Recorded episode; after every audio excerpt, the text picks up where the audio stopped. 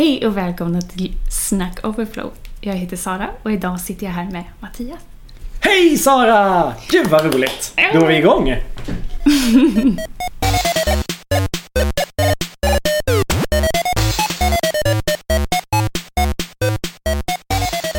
Vad ska vi snacka om idag?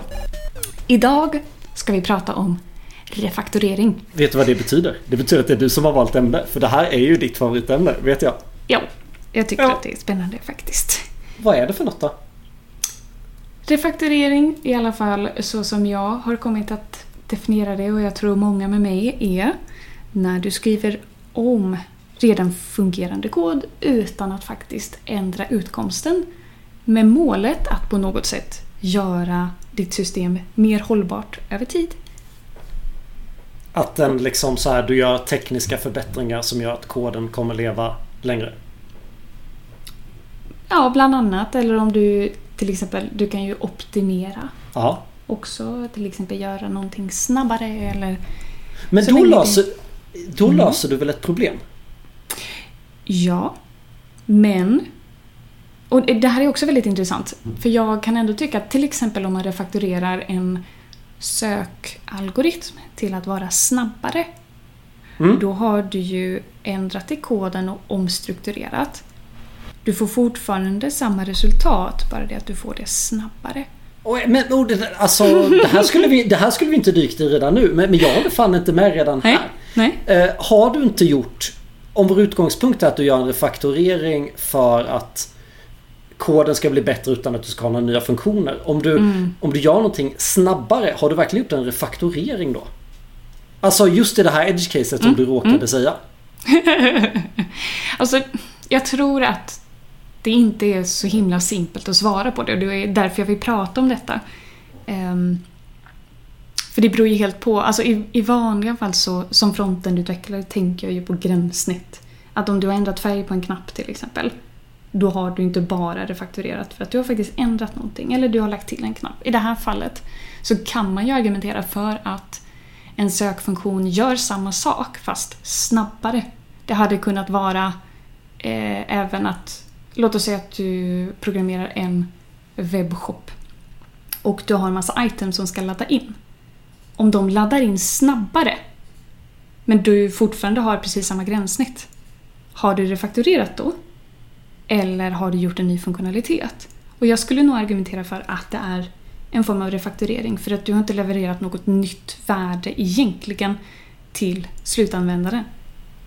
Ah, vi hoppar upp ur det här eh, rabbit-hålet och hoppar tillbaka till vad faktiskt refaktorering är. För nu kommer vi in i ett edge-case. Du gör om kod så den funkar på samma sätt men är lite bättre. Du vill att det ska hålla lite längre. Ja, omstrukturering av den programkoden som redan finns. När, när gör man det här då? Alltså ska man göra det här kontinuerligt eller gör man stora insatser när man tycker att det är dåligt av något skäl eller? Du vet ju att jag inte tycker att det är så himla nice att säga till folk hur de ska och inte ska göra saker. Nej. Du kan ju Absolut. göra det på eh, stor skala och refakturera om allting samtidigt. Men det är ju svårt att leverera då. Och det är Mm. jobbigt att kanske veta vart man ska börja någonstans. Ja. Och, ehm, Nej men såklart det finns ju aldrig några silver bullets inom programmering om det är något vi Nej. lärt oss. Eh, så ibland skulle liksom så här, det beror ju på ditt scenario. Men, men jag, skulle, jag skulle tycka att man vill hela tiden jobba lite lätt med refaktorering. Liksom beroende på hur mycket koden luktar illa ju mer vill man fokusera på den. Ju mer Mm. vill du refaktorera den. Ju mindre den luktar, ju mer lättjobbad den är, ju mindre behöver du satsa på det. ja. Just här och nu. och jag, Ett sätt att hantera teknisk skuld. Ja, visst. Och jag tycker också att det är the best approach. I alla fall för mig. Sen så känner jag ofta att det blir inte så i praktiken. Att jag vill gärna refakturera över tid och jag gör det gärna i samband... Det är också en intressant... Här, om man refakturerar i samband med att man lägger till funktionalitet, är det fortfarande refakturering då? Eller Alltså- är det... Ja. Om du, är, om du håller på att göra en liten sak. Du är i en featurebransch du har jobbat på i två Mm. dagar och du har åtta committer i den. Mm. Och den sista heter Jag refaktorerade om koden. Mm. Och du kanske till och med har varit så, den näst sista Om du är så dålig att du väntar till den näst sista man skriver dina tester. Mm. Så skulle jag absolut kunna tänka mig att det är helt okej att kalla den sista refaktorering. Även om du bara jobbat med det någon dag. Mm. Men du, fan, har vi inte något lite spännande? Vi pratar lite om att man vill göra det oberoende Man, man vill göra det lite beroende på hur mycket man tycker att koden luktar illa. Mhm. Eh, för det finns, då vet Det är lite olika urgent Bråttom Baserat på hur dålig koden är. Men är det inte Mm. Precis. också lite comment ett av, av skälen att man vill göra det att man nu vet bättre än vad man visste när man skrev koden? Ja, visst. Och man ser saker. Alltså, jag själv har ju ofta hamnat i situationer där jag skapat jättemycket Jagni för att jag tycker att det är svinroligt att optimera koden. Vad sa du att det hette? Jagni? Jagni, you ain't gonna need it. Överingenjörat liksom. Ja. Ehm, och Mm. ehm, det är ju nästan ännu värre kan jag tycka. När det blir för abstrakt innan det behöver vara så abstrakt. Mm. Och därför är jag väldigt mycket för alltså Red Green Refactoring och den typen av testdriven utveckling. När man, när man har skrivit så pass mycket kod att man ser att oh, det här statet börjar lukta lite. Vi kanske ska lyfta upp det. Eller vi kanske Mm. ska faktiskt lägga in Redux nu. Men nu var du lite snabb. Red Green Refactoring. Uff. Ja. Uff. Uff. Ehm, det är... De har ju en liknelse till ett stoppljus. Så Ja. först så vill du skriva ett test som går rött, alltså det går dåligt. Sedan skriver du endast den programkod som gör att ditt test går grönt. Det går bra. Sen får du refaktorera det så mycket Mm. som möjligt och det fortfarande blir grönt. Och Mm. sen skriver du nästa test så att det blir rött och så går cykeln på det sättet. Men om du gör en refaktorering då Framförallt om det inte finns tester, vilket jag ofta upplever är fallet och jag Mm. gärna börjar med att skriva tester därför. Mm. Då blir ju testet aldrig rött utan då blir det... Då börjar du med att skriva Ja testet visst, inför visst. Men det är ju det är ju när du skriver ny kod som det blir Ja, Red Green ja. Refactor. Ja men, ja men. Mm. Jag gillar det vi båda två lite säger med lite, lite olika ord. Mm. Att man gör det för att man vet nu bättre. Du vill börja enkelt, någon annan vill börja överabstrakt. Och sen så refaktorerar man det till en lagom nivå. Mm. När man vet vad man faktiskt behövde. Mm. Precis. Men det är också det är någonting som jag sitter och klurar på. För ibland om man skriver alldeles för mycket kod så kan det bli så mycket virvar att det är svårt liksom att förstå vad är det som vi ska refakturera. Det blir liksom mycket extraarbete med att försöka förstå vad det är man har. För att koden har blivit lite spaghetti på vägen. Och den har blivit Mm. lite för spaghetti innan det blir refakturerat. Mm. Och där vet jag inte heller riktigt vart man ska lägga sig i balansgången med hur mycket, hur mycket planering ska man göra innan man börjar programmera och hur mycket ska man tänka efter. efter. Ja men det är alldeles för ofta som man inte riktigt vet vad det är man ska göra när man börjar göra det. Och, Ja, visst. och det är ganska ofta man gör någonting och så gör man om det till något annat. Mhm. Så det känns som att så här, man ska ju tänka lite, la, li, lite men lagom innan. Mm, mm.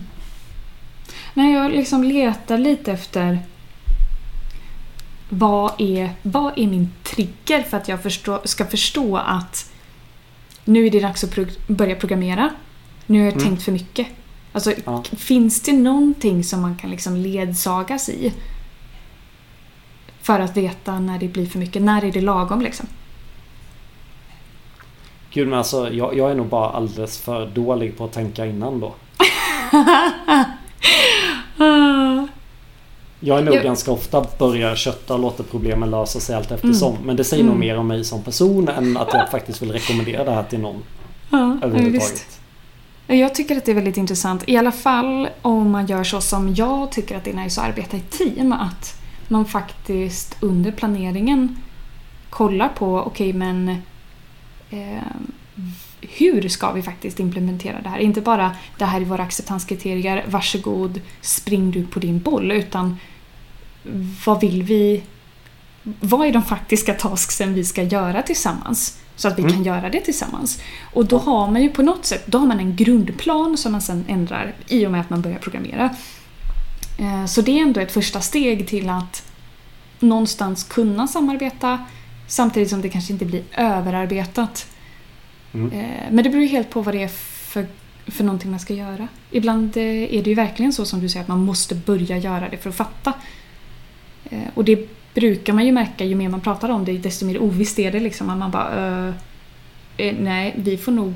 Vad är det värsta som kan, kan hända? Jo, men det är att allting går sönder. Okej, vad är det minsta vi kan göra för att veta om det går sönder eller inte? Jag tänker faktiskt en liten sak som kanske skulle kunna hjälpa dig på vägen. Jag har ju Mm. faktiskt gått en kurs. För typ första gången någonsin tror jag. Ja. Eh, visserligen en intern men med en av, min, en av våra fantastiska kollegor. Johanna Mm. Romin. Ja, Hon har en kurs där man liksom man utför, när man kravar någonting oavsett hur nära inpå du ska göra det eller inte. Alltså det är den metodiken om krav.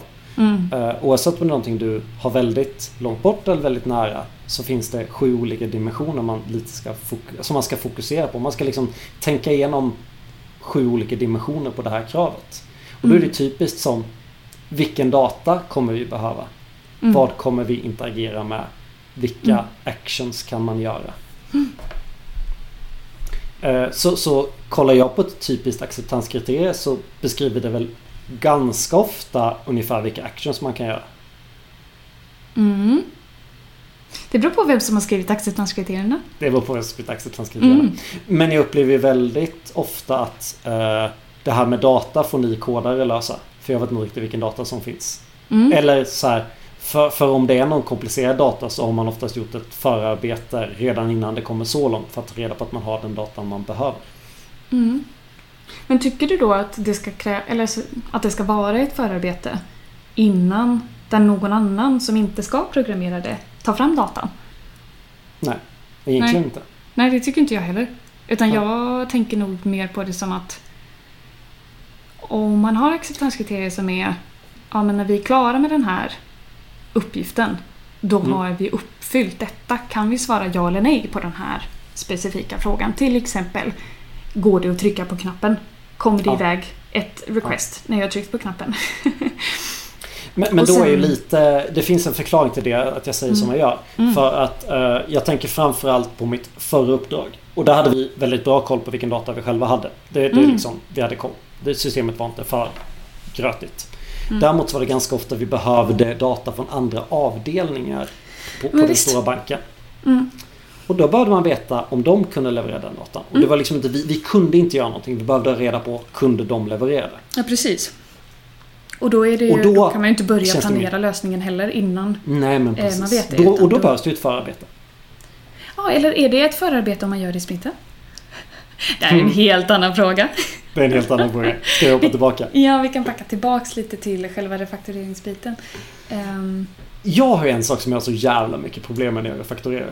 mm, Och det är att jag aldrig slutar med det. Jag gör för mycket på en gång. mm, Eller inte alltid, men ofta. Antingen gör jag väldigt små saker eller gör jag börjar dra i ett snöre. Och när man drar i ett snöre hittar man ofta tre snören till man vill dra. Men visst, och så tänker man åh, men den här kan bli så mycket snyggare. Och så går man in och så refakturerar man den funktionen med och så leder det ner i ett, i ett kaninhål i, för evigt. Liksom. Ja.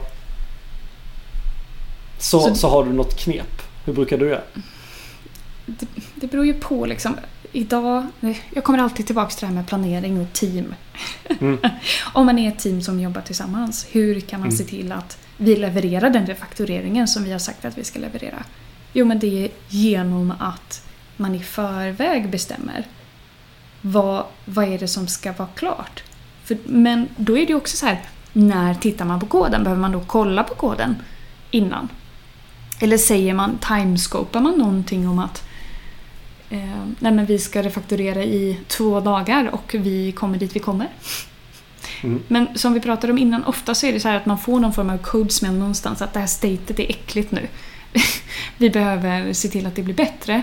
vad är våran gissning på ett sätt att göra det bättre på?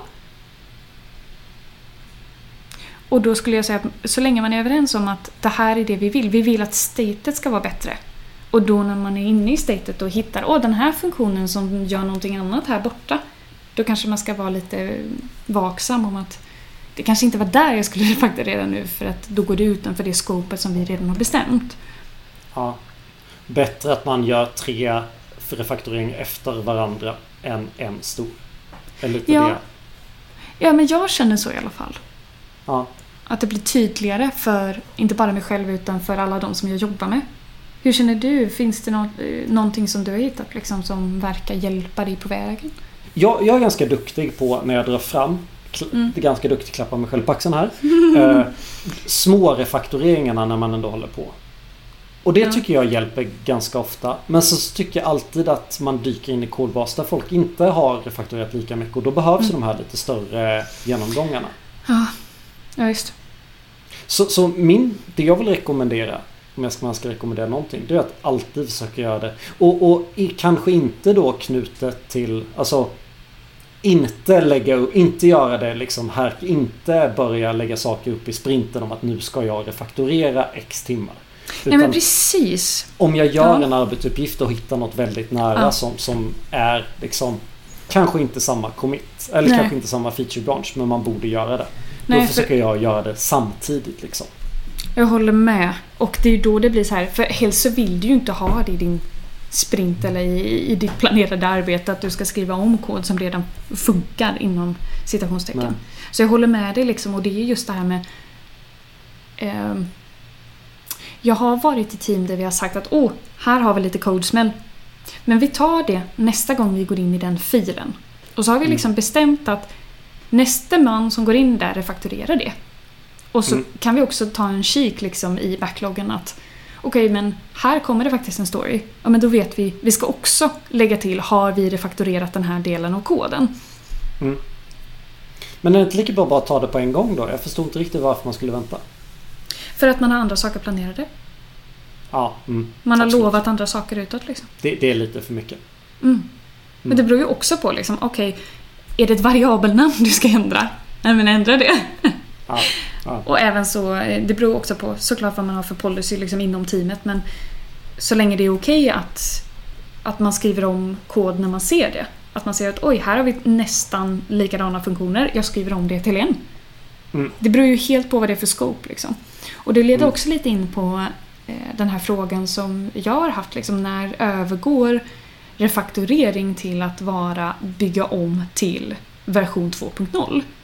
Mm.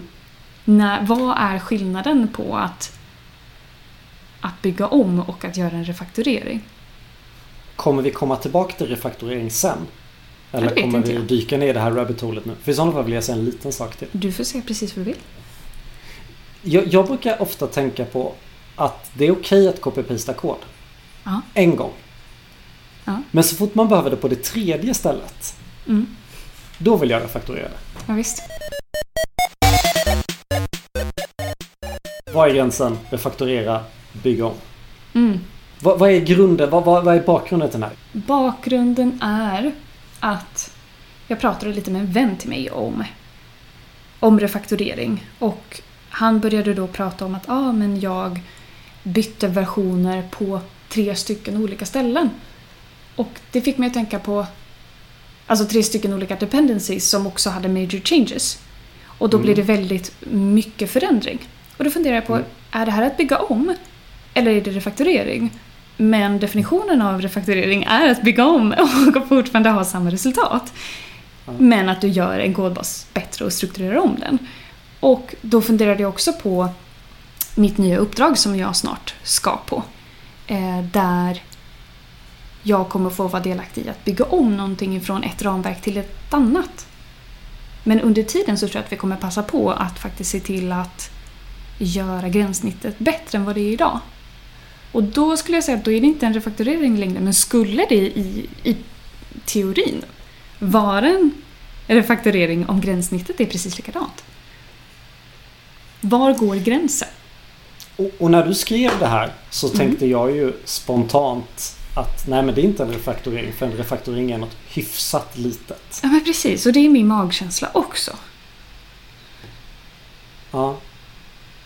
Men var, vad är Vad hyfsat litet?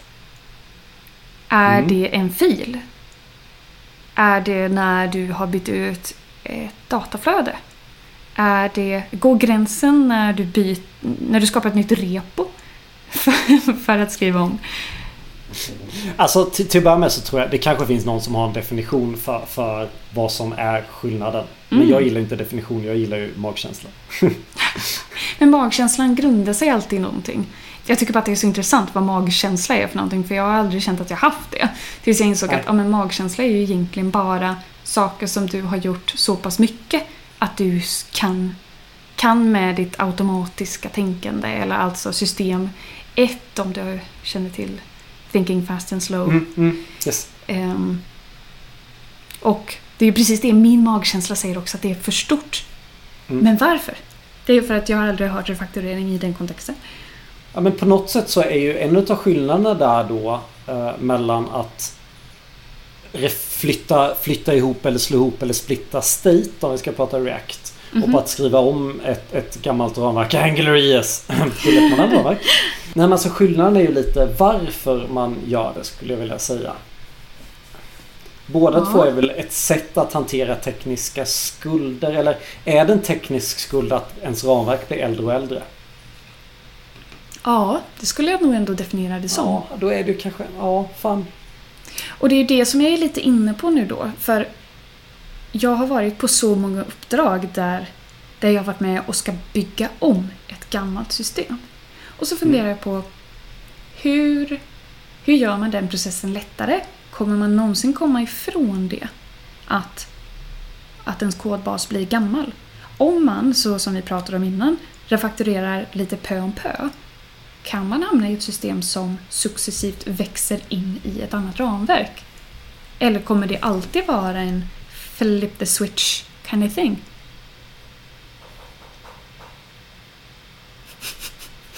Mattias eh, Ja, men- sitter och tänker. Jag, jag tänker att liksom, intentionen är olika när man bygger om och när man refaktorerar. Tänk dig, jämför det lite med att man dammsuger av vardagsrummet. Mm. Eller dammsuger av i några rum jämfört med att man gör en rejäl vårstädning. Man, vet, man, vet, man är fullt medveten om att man inte gör allting när man gör Ja. refaktorering. Man bara gör det lite bättre. Ja. Medan så här, bygga om, då är det ju en del av intentionen att nu ska vi göra så mycket vi bara kan. ja, men då hade jag nog i den analogin kanske sett att bygga om som en renovering snarare än vårstädning. Att det är en annan intention för vårs... Alltså, så som jag ser på städning Ja. så är det så här om jag bara städar lite varje dag så slipper jag göra en vårstädning sen. Jo, Ja. mm. fast, fast om, vi ska, om vi ska behålla den här analogin då. Ja. eh, Så, så är ju, mm, är ju, kan man ju ganska ofta dammsuga men man dammar ju bara när man vårstädar. Annars dammar man ju inte.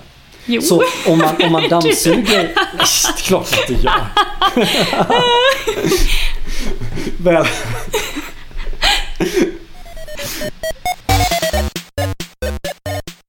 Välkommen till Hemskötselspodden. Jag heter Mattias. Nej, men jag, jag håller med dig Men det om kanske att lite min, samma- min magkänsla säger också att det är en annan intention när du vill till exempel byta ramverk. Mm. Men den intentionen känner jag ofta är att du har hamnat i ett så gammalt system att, ehm, att du faktiskt vill ändra hur systemet ser ut när du Mm. byter ramverk. För att du har lärt dig en himla massa på det gamla gränssnittet Mm. så du kan faktiskt dra slutsatser och lärdomar ifrån det. Och då passar man på att göra om det, för det är ingen idé att bygga ett gammalt gränssnitt i ett nytt ramverk. Speciellt inte om det gamla gränssnittet är typ jättegammalt. Typ Mm. inte ens JavaScript. Nej, nej. Jag gillar din liknelse med att det inte är samma sak att städa som att man behöver renovera sitt Mm. sätt. Precis. För hur mycket du än små... Om refaktorering ska vara något man ska göra hela tiden där man småförbättrar saker. Man Mm. har ju liksom svårt att göra de stora grejerna. Så, Mm. så kanske, kanske definition, om man, om man ska leta någon definition så kanske det skulle vara att en refaktorering får man aldrig planera. Mhm. Alltså så här, klart man får om man vill. Men, men en, en refaktorering måste i vilket fall alltid vara så pass liten och över Mm. väldefinierad att den går att slutföra snabbt. Medan att bygga om, det är någonting man planerar. En, för- en refaktorering får man aldrig planera. Mm. Alltså man kan lägga in en sprintplanering men redan färdig. Ja. Man måste ha ett definierat slut på sin refaktorering. Så här, Mm. man kan inte refaktorera utan att ha ett definierat slut. Sen om det är definierat i kod eller om det bara är en magkänsla på ungefär hur mycket man ska göra. Men man har definierat ungefär. Mm. S- Säg det min borde man ju också göra. Det borde man väl också göra med en renovering i så fall. Och jag tänker att en re- renovering kan man ju även... Alltså låt oss säga att ja, men jag behöver byta ut alla mina fönster i min lägenhet. Jag behöver ju inte göra alla rummen samtidigt utan jag kan ju ta vardagsrummet först. Mm.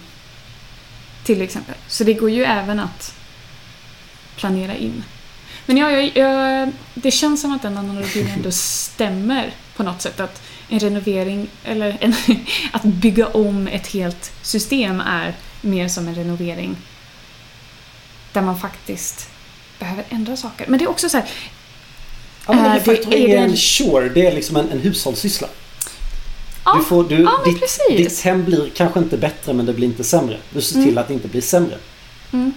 Eller är det att bygga ett helt nytt hus? För jag menar, det är ju fortfarande lite det vi var inne på förut. Är det först när man skapar ett nytt repo som det inte längre är att refakturera för att man byter liksom hela stommen. Man bara river det gamla huset. Eller Mm. bara bygger ett nytt hus bredvid det som redan var. För att man känner att nej, det är för jävla mycket jobb och byta ut, hitta rätt mått på alla de här fönstren som finns för det är så gamla mått på det. Så vi gör Mm. ett helt nytt hus. Shiny, brand new. Men så här, en sak med refaktorering. Jag tycker det är himla alltså, roligt att göra det. Jag skulle nästan Mm. vilja säga tillfredsställande att göra det. Mm. Jag tycker nästan att det är något av det roligaste med programmering. Ja. För det är där man faktiskt får tid att göra någonting coolt. Man får tiden att faktiskt tänka efter hur gör vi det här på ett mer optimerat sätt än vad det var innan. Vilket man Mm. oftast inte får första gången du skriver koden. Eftersom det är någon som är superstressad över att det ska faktiskt komma ut i produktion. Och det är därför också som det är lite roligare att få in det som en vana och göra lite åt gången så att man faktiskt får det här roliga. Får en liten kaka ibland. Varför tycker du att det är roligt? Det låter lite som att vi inte riktigt tycker samma sak när refaktoreringen är rolig då. Eller inte mm -hmm. samma sak som, som det, vi, det som kliar. Mm? Alltså, det bästa jag vet när jag har gjort en refaktorering. Det är ju när jag drar upp min nya merge request eller pull request och ser att jag har tagit bort fler rader än vad jag har lagt till. Mm. Det är liksom lite poängscoren för mig när jag har gjort Mm. en refaktorering. Har jag lagt till 100 rader och suddat 600 rader, då har jag liksom vunnit. Och inser att jag har gjort lite för mycket på en gång. när det är så mycket kanske. Ja, visst. Kanske tre gånger så mycket som jag borde gjort. Mm. Mm. Jag vet inte om jag har hamnat där. Nej. Att det kan kanske vara så att när jag refaktorerar så kan det bli fler rader än vad det var innan. Ah! Ja, det behöver inte liksom så här. Det är inte ett självändamål att ha färre rader. Nej, visst. Men om man kan åstadkomma mycket färre rader utan att göra det sämre. Nej, så är visst. det ju något positivt, tänker jag säga. Det finns ingen poäng att ersätta tre, att dra ihop raderna. Men om man kan ta bort stora tjok liksom. Mm. Nej, men jag håller med. Mm. Och du Ja, men jag visade ju ett litet exempel innan vi Precis. började. Jag skulle uppdatera en länk. Var uppgiften. Liksom, eh, eh, nej, alltså en ny, en ny URL till en ny endpoint. Den gamla Mm. var borta, den nya skulle till. Och insåg det finns fem länkar. Jag har klickat lite i det systemet och jag vet att det finns typ två datakällor. Hur fan kan det finnas fem länkar till fem olika backends? Mm. Mm. Ja, Där började min journey. Ja, och det är ju supernice. Eller så här, om man hittar död kod för fasiken släng den åt skogen. Ja. Och det håller jag med om. Det, varför vänta med det som din fråga var tidigare? Liksom? Varför vänta med att göra det bättre? Ehm, och då kanske jag förstår kanske mer av vad du menade förut. Eller har jag tolkat det fel? Ja, men, men den är lite svår. Alltså, så här, man ska mm. aldrig vänta med att ta bort död kod. Men när vet man att koden är död? Alltså, jag vet ju mm, tekniskt att koden är död för den används inte längre. Men mm. jag vet inte om feature, alltså ville de egentligen ha det här men så hann de inte göra backen så de kommenterade bara bort edit-knappen. Så nu finns bara liksom, nu kan man bara läsa och lägga till. Men de vill säkert, så det jag tog bort var ju editera och delita knapp Eller koden som gjorde editering och delete. Knapparna var redan borttagna men nu tar jag också bort koden bakom knapparna. Mm. Ja. Jag tyckte den var tre månader gammal så jag tog bort den. Men jag kommer vara noga när jag merchade att squasha ihop det här till en och samma commit. Tyvärr lite synd för det var så länge sedan. Ja, men alltså så länge så man har någon form av miljö som räddar dig om du råkar ta bort. Alltså det här med tester. Eh, mm. Jag, jag råkade göra det här, alltså precis det här misstaget att åh, jag hittade en funktion som jag själv hade skrivit väldigt nyligen. som jag ja. Eh, inte använde längre så jag tog bort den.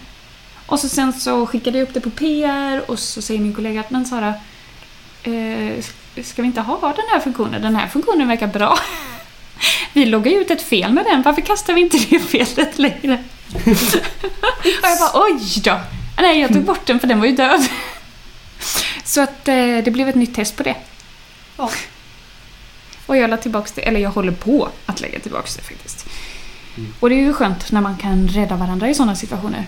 Jag funderar lite på refaktorering och testning. För det är väl så här, min, min stora ångest med refaktorering är ju mm. oftast att jag gör den lite när jag tycker att det behövs och känner att jag kan avvara lite tid till det. Mm. Men jag ber ju aldrig någon testa att det faktiskt funkar sen efteråt. Mm. Ja. Eftersom att jag bara gör det lite i förbifarten. Mm. Mm.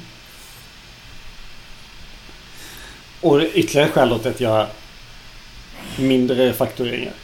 Lite ja. taget. Ja men precis. Men, det är ju nyckeln för, liksom, för att, att det inte ska bli för mycket.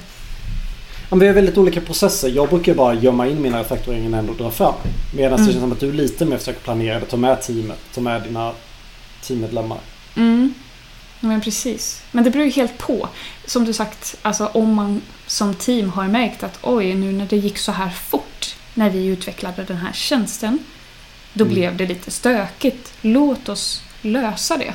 Det är ju när det är så stort att du inte kan göra det i förbifarten. Liksom. Mm. Är det fortfarande en refaktorering då? då? Och hur stor den är? Är det en renovering eller är det städa lite? Jag skulle säga att ni vårstädar. Ni gör massa saker tillsammans och sen vårstädar ni tillsammans. Mm. Mm. Mm. Medan för mig är refaktorering med att jag dammsuger i vardagsrummet. Sen efter det testar jag inte om jag har repat golvet eller inte. Nej, visst. För det har jag nog inte. Nej. Samtidigt som vissa grejer blir väldigt eh, svåra att refakturera om det är alldeles för stökigt. Liksom. Men ja, det är just det här. Om man ser till att refakturera över tid så borde man teoretiskt inte komma dit där det är så himla stökigt.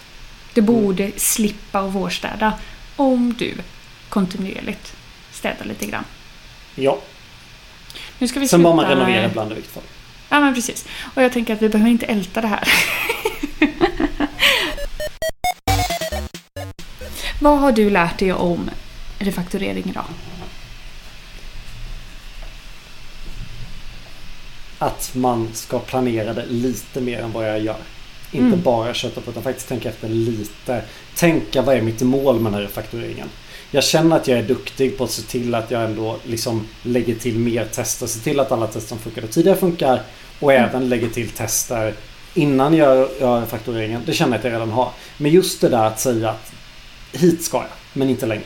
Mm. Och jag ska försöka nöja mig med en rimlig mängd tid. Rimlig mm. kort tid.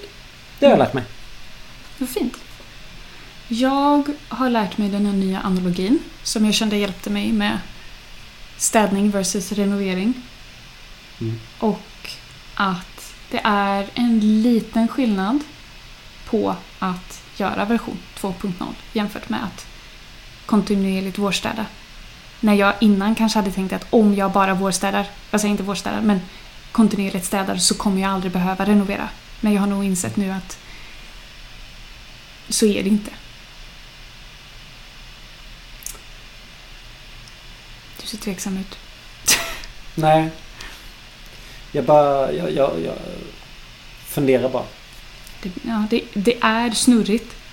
Mm. Man trodde att det var så himla lätt och så började man tänka lite på det. Ja men det jag tänker någonstans är eh, om man inte refaktorerar för att man inte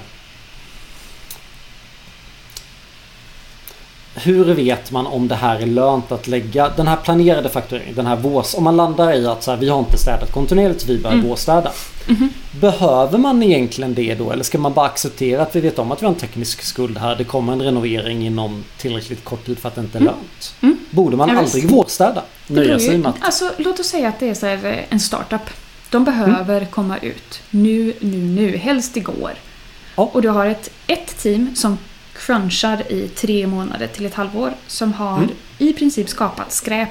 Men det funkar. Ja. Ska du renovera det då? Eller ska du vårstäda det? Eller ska man nöja sig med att städa när man lägger till saker i närheten av det? Ja, men det beror ju på. Eller jag tänker så här. Att Det är klart det beror på. Men... Ja, det är alltid så. Eh, Mm. Det är aldrig så himla simpelt att man bara kan säga ja eller nej. Vad hade världen varit då? Den hade varit jättetråkig. Eh, Men jag tänker att det... Jag håller inte med om att man kan undvika vårstäda. Är jag tydlig då? Ja, du är tydlig. Du, är inte, du har inte övertygat mig men du är tydlig vad du menar. Ja, men precis. Och det var det jag skulle börja försöka förklara då att... För om man ser renoveringen som ett, en stor grej. Mm. Typ byta ramverk. Det, det ser jag som en, en stor renovering. Eller Eller, eller pattern kanske. Man ska börja, börja eller sluta använda stores eller man ska använda hooks istället för klasser eller... Ja, men det ser jag ändå som vårstädning. Ska vi vara nöjda? Ja, vi kan vara nöjda. Har vi något vad har- eh, veckans tips? Börja fånga dina... Alltså börja monitorera din frontend-kod. Börja Mm. fånga alla exceptions som händer ute i klienten. Mm. Du hittar så jävla mycket. Så sjukt mycket småbuggar du hittar. Du får hjälpa mig med det på mitt nya uppdrag sen. Jättegärna. Ja. Det är mitt veckans tips. Och, och om, du inte, om du inte orkar researcha så använd antingen Century eller LogRocket. Mm. Jag Det är mitt brukar veckans ta tips. beslut bara sådär. Nej men så här. eh, eh, det, det beslutet tog jag bara sådär. För att eh, annars ska vi gå in i någon flera månaders utredning av vilken tjänst som är bäst. Ja, och då sa jag jobbigt. bra, ja, ja, jag börjar med den här och sen kan vi få komma ikapp när ni har bestämt Ja. vilken vi ska ha. Ja. För att här, just i monitoreringsfallet. Inte alltid, absolut inte om vi börjar prata ramverk till exempel. Mm. Men om vi börjar prata om ett sånt här plugin.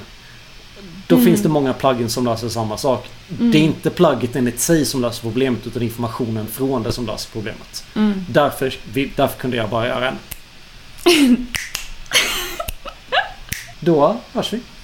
Ha det bra. Tack för idag.